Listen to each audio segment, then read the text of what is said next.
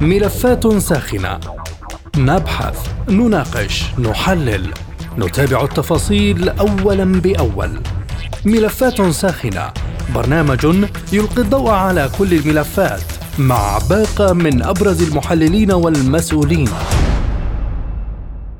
أهلا بكم مستمعينا الكرام في حلقة جديدة من ملفات ساخنة وهذه جيهان لطفي تحييكم. في ملف اليوم نناقش هل تسعى واشنطن لبناء الثقه مع بكين من بوابة النووي؟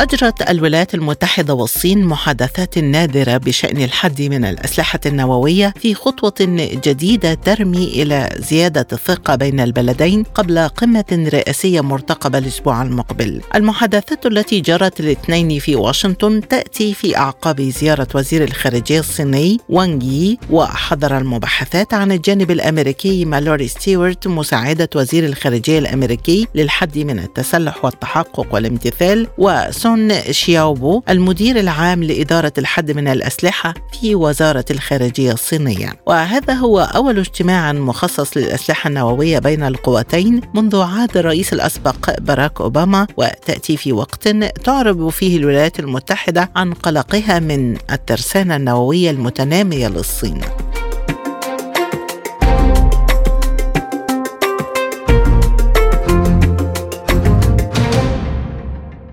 البداية من نيويورك ومعنا عبر الهاتف خبير العلاقات الدولية الدكتور ماك شرقاوي. مرحبا بك معنا ضيفا عزيزا دكتور ماك. هذا هو أول اجتماع خاص بالأسلحة النووية بين واشنطن وبكين. برأيك هل ينجح في بناء الثقة بين البلدين؟ هو ما في شك أن هناك جديد في العلاقات الأمريكية الصينية. وإحنا رصدنا في مقابلة السفير الصيني في الأسبوع الماضي واستمرت زيارته ثلاث أيام. وأعتقد أن كانت هناك صفقة أمريكية صينية لتحسين العلاقات ومقابل أن تحتوي إيران. الصين تحتوي إيران وأن تتعهد بأن توسع إيران فهوه الخلاف أو المعارك أو دخول المنطقة إلى معركة إقليمية. وبالفعل شاهدنا ردود أفعال هذه الزيارة في تصريحات السيد حسن نصر الله الذي كان الكثير يعتقد أنه سوف يعلن الحرب ولكن بالتأكيد أكد الصفقة الصينية الإيرانية، ماذا تأخذ الصين؟ بالتأكيد موضوع تايوان تهدأ الولايات المتحدة الأمريكية وتقلل الدعم لتايوان وترسل الأسلحة وأعتقد أن بايدن أدرك أن الصين أصبحت لاعب كبير في المنطقة، ليست كما كانت الصين من قبل، ووجود القطع البحرية الصينية حملة طائرات وخمسة قطع بحرية أخرى بالجوار ده رسالة بالتأكيد نحن سوف يكون لنا دور إذا كانت هناك تصعيد للأزمة. أيضا الصين ليست دولة صغيرة هي دولة نووية لديها 500 رأس نووي الان وتسعى جاهدة إلى توسيع البرنامج النووي لديها يمكن ب 20 30 أن تصل إلى 1000 رأس نووي. والحديث مع الصين ليس اليوم أو الأمس الحديث مع الصين مع إدارة الرئيس أوباما. وأعتقد أنه وصل إلى تفاهمات كثيرة معهم في حقبه الرئيس أوباما. بل ترامب أيضا كان يريد إدخال الصين في معاهدة الأسلحة المتوسطة التي تم إلغائها وكان يطالب بأن تدخل الصين وأيضا إدخال الطائرات المسيره باعتبارها أصبحت الآن من الأسلحة التي يمكن أن تغير في مسار المعارك. ولكن فشلت هذه الأمور. ولكن مع وجود الصفقات النهارده الأمريكية الصينية يمكن أن نرى دخول الصين في المعاهدة ما بين الولايات المتحدة الأمريكية وما بين الصين وما بين روسيا اللي تم تأجيلها إلى فبراير 26 فهناك تطور تطور ملحوظ وأعتقد أن هناك الكثير من التنازلات قدمتها الإدارة الأمريكية للإدارة الصينية حتى نصل إلى هذه النقطة. هذا الاجتماع بالتأكيد اجتماع مهم ونرصد بالتأكيد ماذا سوف يتم. وأيضا هناك هناك مقابلة قمة ما بين الرئيس الأمريكي والرئيس الصيني الأسبوع المقبل على هامش آه، مؤتمر آه، آسيا أمريكا في سان فرانسيسكو في كاليفورنيا. فهناك تطورات بالتأكيد آه، يعني تجري وهناك صفقات نرى ما يسفر عنها من مصالح للولايات المتحدة الأمريكية وأيضا مصالح للصين. ولكن ما الذي دفع الصين الآن للموافقة على إجراء هذه المحادثات؟ وسبق أن رفضت ذلك في عهد ترامب ورفضت أيضا الخوض في مسألة حجم الأسلحة النووية التي تمتلكها. هو ما فيش شك إن ما يحدث الآن في المنطقة غير الكثير من توقعات وسقف التوقعات عند الدول، عندما نرى انه يمكن أن تستخدم إسرائيل السلاح النووي في المنطقة وهذا تصريحات صدرت من وزير مسؤول وزير الثقافة الإسرائيلي وأيضا عضوي في الكنيست الإسرائيلي السيد شومو والسيده تالي قالوا ممكن أن نصل إلى استخدام السلاح النووي، فاستخدام السلاح النووي ده بالتأكيد بيلغي الفكر وجوده وهو وجوده هو الرابع، وإذا استخدم السلاح النووي فهناك دول في المنطقة سوف تسعى للحصول عليه، من الدول اللي ممكن تسعى للحصول عليه وبسرعه تركيا وهي بالتأكيد بعيدة عن كل الاذهان ولكن العلاقات التركية الباكستانية علاقات جيدة جدا. والباكستانيين قالوا إذا ما اضطرت تركيا للدفاع عن نفسها للحصول على السلاح النووي فسوف نعطيه. فبالتأكيد هناك تخوف من أن تزداد نبرة استخدام السلاح النووي. أعتقد الصين وإن كانت تمتلك السلاح النووي وتصل إلى المعدلات التي تريدها يعني 1000 راس نووي ب 20 30 ده رقم كبير. 3700 راس نووي عند أمريكا و5500 تقريبا عند روسيا. أعتقد يمكن للصين أن تدخل في هذه المعاهدة التي ممكن أن تحد من انتشار الاسلحه النوويه لأن يعني بالتأكيد لن يكسب أحد في هذا الصراع. إذا ما تم الصراع النووي وفقد السلاح النووي قيمته كسلاح رادع وأصبح سلاح يستخدم لتغيير يعني مسار معارك دخلنا في المعادلة الصفرية والتي بالتأكيد لا يريدها الصينيين ولا يريدها الروس ولا يريدها الأمريكان وأي دولة أخرى نوويه هناك تنافس استراتيجي بين أمريكا والصين تقول الخارجية الأمريكية أنه غير شريف من قبل الصين في آسيا والمحيط الهادي، كيف لهذا المفهوم أن يتغير؟ وهل يمكن أن يتحول إلى تعاون استراتيجي في مجال الأسلحة النووية؟ وهي نقطة قوة مهمة لدى الصين؟ هو أنا بعتقد أن الولايات المتحدة الأمريكية النهارده تفكر ماليا وتقدم التنازلات للحصول على مصالح والحصول على صفقات، العلاقة ما بين روسيا وبين إيران علاقة قوية جدا، وأعتقد أن روسيا دورها النهارده في المنطقة يعني بنقول عليه ناتشرال، يعني ما فيش لسه بالدخول بجدية في أي من طرفي النزاع في ما يحدث ما بين إسرائيل وما بين المقاومة المسلحة، ولكن إذا ما تم تطوير القتال ودخلت إيران إلى المعركة واستهدفت الولايات المتحدة الأمريكية إيران بالتأكيد روسيا هتتدخل فهناك حسابات معقدة جدا لهذه الأزمة التي أدخلتنا فيها الحكومة الإسرائيلية اليمينية المتطرفة. أدخلت المنطقة وادخلت العالم كله. في الكثير من الحسابات والكثير من تقدير الموقف وإعادة تقدير الموقف على ضوء المستجدات إسرائيل لا تريد أن تنهي الحرب وتمشي في غيها وتريد إزاحة الفلسطينيين ودفعهم قسرا إلى الدخول في سيناء والاعتداء على سيادة مصر. كل هذه الأمور بالتأكيد يمكن أن تنفجر المنطقة. بين ليلة وضحاها. فلابد من تعديل تقدير الموقف الأمريكي للصين. يمكن أن تتغاضى الولايات المتحدة الأمريكية عما تفعله الصين في الملف الاقتصادي مقابل أن يكون هناك وساطات. برضه إحنا بنشوف النهارده وساطة غريبة جدا ما بين تركيا والولايات المتحدة الأمريكية وتركيا تحتوي العراق والعراق النهارده يعني رئيس الوزراء العراقي السوداني موجود في طهران عشان يوصل الرسالة بألا تدخل إيران إلى العمليات العسكرية. فشوفي اللفة ماشية إزاي. أمريكا تركيا تركيا العراق العراق إيران. كنا زمان في طريق أقصر كانت الولايات المتحدة الأمريكية عمان إيران. ولكن أعتقد أن النهارده الأمور تجاوزت سلطنة عمان وأصبح لابد أن يكون هناك ضامنين كبار لاحتواء الأزمة زي الصين. وأعتقد أن الصين ابلت بلاء حسن إحنا رأينا تغير في لغة الخطاب الإيراني. بعد ما كان اللهيان وزير الخارجية الإيراني موجود في لبنان وكنا نعتقد أن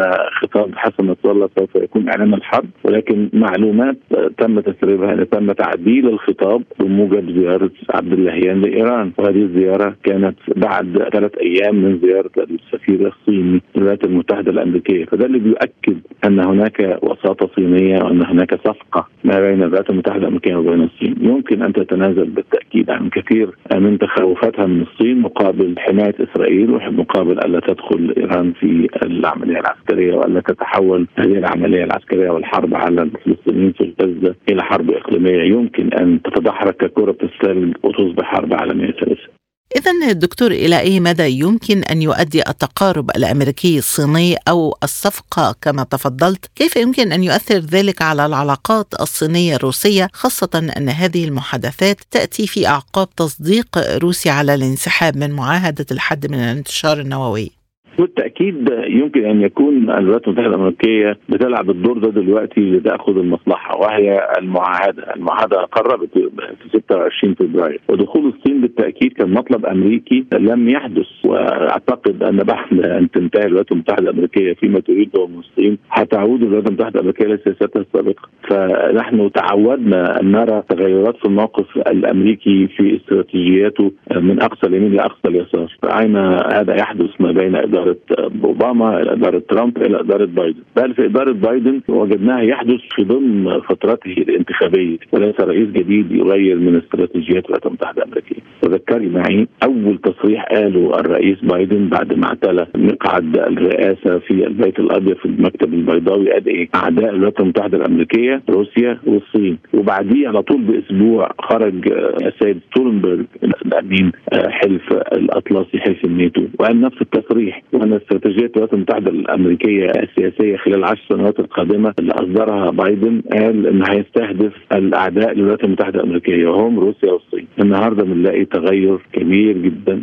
في السياسة الخارجية الأمريكية. ليه؟ الصين ممكن تلعب دور لا يستطيع أن يلعبه النهارده بايدن. لا, لا توجد لقاءات مباشرة بينه وبين الإيرانيين. ولا يوجد ثقة ما بينه وبين الإيرانيين فلابد من وجود الوسيط القوي. زي ما شاف إن الوسيط القوي كان له تأثير على إيران في الدخول في عمليه سلام مع المملكه العربية السعودية فهو بالتأكيد اختار الوسيط الذي يستطيع أن يفعل وينفذ وهذا الوسيط بالتأكيد لديه طلبات ولديه حصول على صفقة مع الولايات المتحدة الأمريكية. ما يعرق الصين هو موضوع تايوان والموضوع الاقتصادي وموضوع طريق الحرير الجديد الذي بالتأكيد الولايات المتحدة الأمريكية تريد أن تجد بدائل لطريق الحرير الهندي الجديد. فأعتقد كل هذه الأمور بتصب في مصلحة الصين وليست مصلحة الولايات المتحدة الأمريكية. ولكن من التنازلات لكي نحمي هذا الكيان الغاصب المحتل الاراضين الحرة في فلسطين إسرائيل. إسرائيل أصبحت حمل كبير جدا على السياسة الأمريكية وسوف تدفعنا إلى ما لا يحمد عقباه. بالحديث عن هذا الارتباك في التوجه الأمريكي نحو الصين، كيف يمكن إدارة العلاقات بين البلدين يعني في الوقت الذي تسعى فيه واشنطن لتطويق الصين عسكريا، تجري مباحثات نووية وتحتفظ بعلاقات تجارية مهمة، هل هناك وضوح لدى صانع القرار الأمريكي حول كيفية إدارة العلاقات مع الصين؟ بالتأكيد الصين أزمة كبيرة في السياسة الخارجية الأمريكية وبيحاولوا بكافة الطرق إلى تضييق فهوة الخلاف ما بين الولايات المتحدة الأمريكية وبين الصين سياسيا وكمان عسكريا. وصلنا لمرحلة أن يكون هناك صدام. تذكري معي في زيارة نانسي بولوسي كانت رئيسة مجلس النواب في هذا الوقت إلى تايوان والتي هددت الصين بإسقاط طائرتها يعني عسكريا عمل عسكري ولكن تم نزع فتيل الأزمة في هذا الأمر. وإن كانت هذه الأمور بالتأكيد كاشفة لطبيعة العلاقات بينها. هناك لقاء مرتقب بين بايدن وشي كما تفضلت كيف يمكن أن يؤثر التفاهم الأمريكي الصيني المتنامي على شكل النظام العالمي الجديد الذي يتشكل الآن ما في شك اللقاءات المباشرة مهمة جدا ومفيدة وإن كان إدارة البيت الأبيض يعني بتحاول جاهدة أنها تقلل من اللقاءات المباشرة للحالة الصحية للرئيس بايدن ويعني وأن بالتأكيد وجوده من خلال وسيلة اتصال غير مباشرة هيدي فرصة إلى المساعدين ويدي فرصة إلى الإدارة أن تضبط مسار هذه الاجتماعات. فدايما بيبعدوا عن اللقاءات المباشرة ولكن هذا الموضوع النهارده وسرعة الوقت عامل كبير في فلا بد من الجلوس على طاولة مفاوضات مباشرة بين الرئيس الأمريكي وبين الرئيس الصيني لأن بالتأكيد العالم يمكن أن يدخل في صراعات تصل إلى الصراع النووي فيريد تحجيم دور الصين من خلال اشتراكها في هذه الاتفاقية وهي اتفاقية الحد من انتشار الأسلحة النووية حتى يكون هناك بعض السيطرة على السلاح النووي الصيني الذي لا نعرف الكثير عنه. وأيضا يمكن أن تدخل بعد كده في الاتفاقات الأخرى في الصواريخ قصيرة المدى ويمكن أيضا يتم الموافقة على إدخال الطائرات المسيرة كما طلبت الولايات المتحدة الأمريكية قبل أربعة أو خمسه اعوام. من نيويورك الدكتور ماك شرقاوي خبير العلاقات الدولية كنت معنا شكرا جزيلا لهذه الإيضاحات.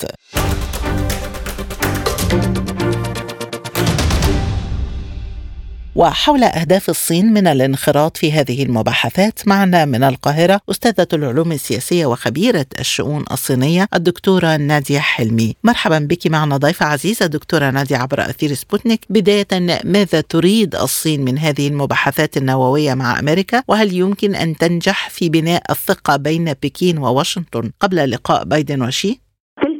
أو محادثات واشنطن وبكين بشأن الحد من الأسلحة النووية هي محاولة أمريكية لإقناع الصين بالاتفاق خاصة وأن معاهدة ستارت للحد من الأسلحة النووية أو معاهدة نيو ستارت سوف تنتهي في عام 2026 فمن هنا جاء تخوف إدارة بايدن قالت إن هي على استعداد لبدء محادثات دون شروط مسبقة مع روسيا والصين معا بشأن خطوات للحد من الأسلحة النووية لأن التخوف كله بأن معاهدة نيو ستارت التي أبرمتها الولايات المتحدة الأمريكية مع الجانب الروسي هتنتهي فتزامنا مع ذلك فواشنطن تريد إشراك بكين ومعها موسكو بالضغط على موسكو بأن ينضموا لمعاهدة جديدة بشروط جديدة. فما تم بالأمس تحديدا هو محادثات تمت بين مالوري ستيوارت وهي مساعدة وزير الخارجية الأمريكي في الحد من تسلح ويعني السيد سون شاوبو وهو المدير العام لإدارة الحد من التسلح في وزارة الخارجية الصينية للاتفاق على أو محاولة الضغط الأمريكي على بكين للإعلان عن أسلحتها النووية أو أسلحتها للردع النووي. ويمكن تلك الخطوة التحليل بقى يبقى التساؤل عن إمكانية تطور الأمور لحد الصراع النووي بين الولايات المتحدة والصين بسبب الموقف من تايوان وهو التساؤل الوحيد المسكوت عنه بين الكثير من الأمور بسبب التوترات الجيوسياسية بين البلدين بسبب الجزيرة التايوانية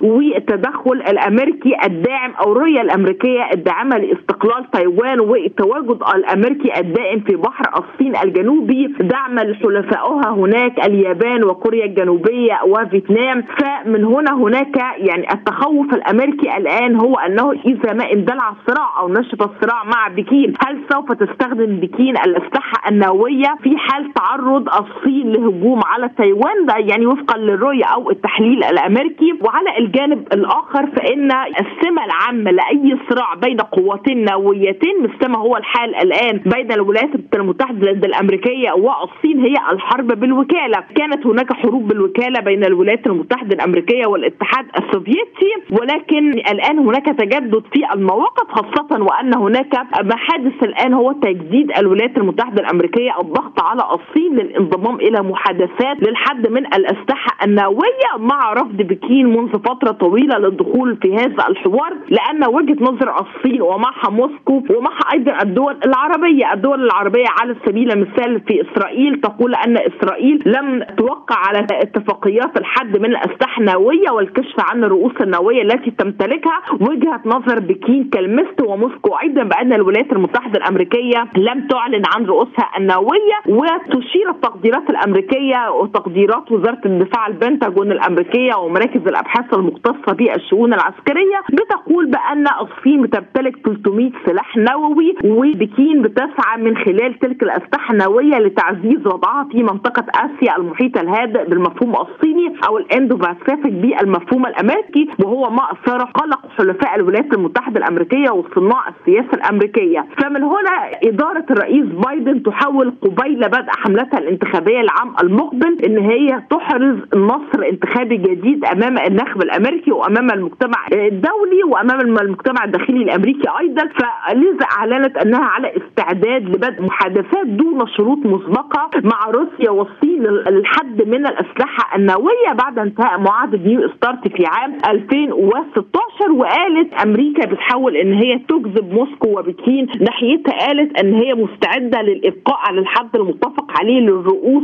الحربية النووية بموجب معاهدة تمت سابقا بين الولايات المتحدة الأمريكية والاتحاد السوفيتي بتعود لفترة الحرب الباردة. يعني هي هتسمح لموسكو وبكين إن هم يبقوا على حد أدنى من الرؤوس الحربية النووية. متفق عليه. ولكن على الجانب الآخر فإن هناك الصين بتؤكد أن قوتها النووية هي الأصغر دفاعيا وبتقول أنها لا تشكل تهديد. وعلى الجانب الآخر معاهدة ستارت الجديدة اللي هي هتنتهي في عام 2026 العشرين بتلزم تلك المعاهدة الولايات المتحدة الأمريكية وموسكو بعدم نشر أكثر من 1550 رأس حربي نووي وهو وفقا للخبراء العسكريين يرون أنه مستوى ليس مرتفعا بشكل كبير وعلى الجانب الآخر فإن هناك حالة من انعدام الثقة بين البلدين بين الولايات المتحدة الأمريكية والصين وهناك قمة رئاسية مرتقبة ربما الأسبوع المقبل بين الرئيس شي جين بين وجو بايدن وأنا بعتقد إن محاولة استغلال الولايات المتحدة الأمريكية واستثمارها الفرصه قبيل أي اجتماع رئاسي ما بين واشنطن وبكين هي محاولة أمريكية للإعراب عن قلقها وهي أول اجتماع بالمناسبة مخصص للأسلحة النووية بين القوتين العظمتين واشنطن وبكين منذ عهد الرئيس الأمريكي الأسبق باراك أوباما وهناك قلق في واشنطن من الترسانة النووية المتنامية للصين وأنا بعتقد أن متوقع أنه لن يتم إحراز تقدم كبير في تلك المحادثات المستمرة بين الجانبين. في ضوء هذه المعطيات دكتورة وفي الوقت الذي تقول فيه الصين أن واشنطن تمتلك رؤوس نووية أكثر فيما يحذر البنتاغون من أن الصين تعمل على تسريع وتيرة تطوير أسلحة نووية. سمعنا عن هذه المحادثات. هل يمكن أن تقبل الصين بالحد من أسلحتها النووية؟ وبرأيك هل هناك صفقة ما بين طيات هذه المباحثات؟ بكين لم توافق على شروط الولايات المتحدة الأمريكية خاصة في وسط التوترات بشأن تايوان والعقوبات الأمريكية على عدد حتى من العسكريين في الصين وغيرها من القضايا رغم التقاء جو بايدن والرئيس شي جين بين في قمة مجموعة العشرين في بالي يعني قبل أكثر من عام. يعني تم الاتفاق على عدد من الأمور ولكن لم يتم تنفيذها وفقا لوجهه النظر الصينية امريكيا يعني لم يتم تنفيذها. ولكن هناك في الوقت الأخير حدثت سلسلة من المحادثات رفيعة المستوى وزيارة وزير الخارجية الأمريكي وانغ يي لواشنطن وعلى الجانب الآخر فإن يعني الرد الروسي حتى على الولايات المتحدة الأمريكية جاء من قبل نائب وزير الخارجية الروسي سيرغي ريابكوف قال إن واشنطن بتتلاعب في بيانات معاهدة ستارت أو نيو ستارت في حين أن الولايات المتحدة الأمريكية لا تضغط على الترسانات النووية لفرنسا وبريطانيا ولم يتم إعطاء بيانات بيانات مؤكدة وتوضيحية للمجتمع الدولي. فمن هنا موسكو بترى أنها وبكين غير ملزمين بأن تتحاور مع الجانب الأمريكي نوويا في حين أن فرنسا وبريطانيا وحلفاء أمريكا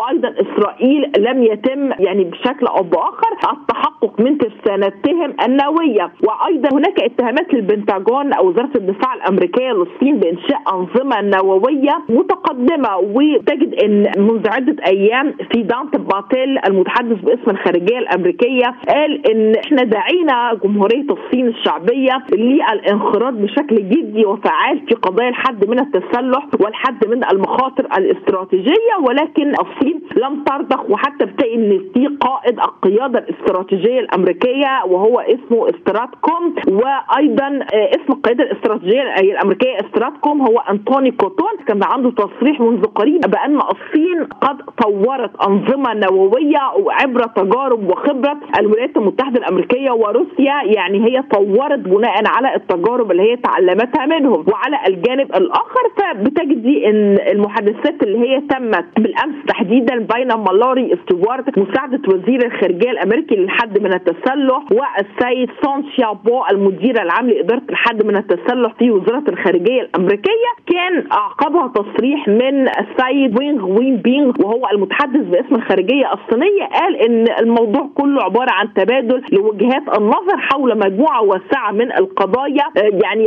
بتتعلق بتنفيذ المعاهدات الدولية للحد من الأسلحة ومنع الانتشار النووي. يعني الصين بترى أنها مجرد تبادل لوجهات النظر. وهذا بيتناقض مع وجهة النظر الأمريكية أو تقرير وزارة الدفاع اللي هو تحديدا الكونجرس الأمريكي الشهر الماضي أصدر تقرير قال إن الصين بتطور ترسانتها النووية بسرعة أكبر من توقعات الولايات المتحدة الأمريكية وبتقول إن الصين بتمتلك 500 رأس حربية نووية جاهزة للاستخدام منذ مايو عام 2023 ومن المرجح إن هي يكون للصين 1000 رأس نووي بحلول عام 2030 في حين أن الولايات المتحدة الأمريكية وفق المعلن بتمتلك 3700 رأس حربية نووية النوويه وهي خلف روسيا. بالمناسبة روسيا رقم واحد في العالم تمتلك 4500 رأس نووي متقدمة على الولايات المتحدة الأمريكية. هذا وفقا لتقدير معهد استقالمه الدولي لأبحاث السلام بالسويد اللي هو معني بالدراسات النووية والدفاعية والعسكرية. وعلى الجانب الآخر فإن هناك محاولات ضغوط أمريكية لتوسيع نطاق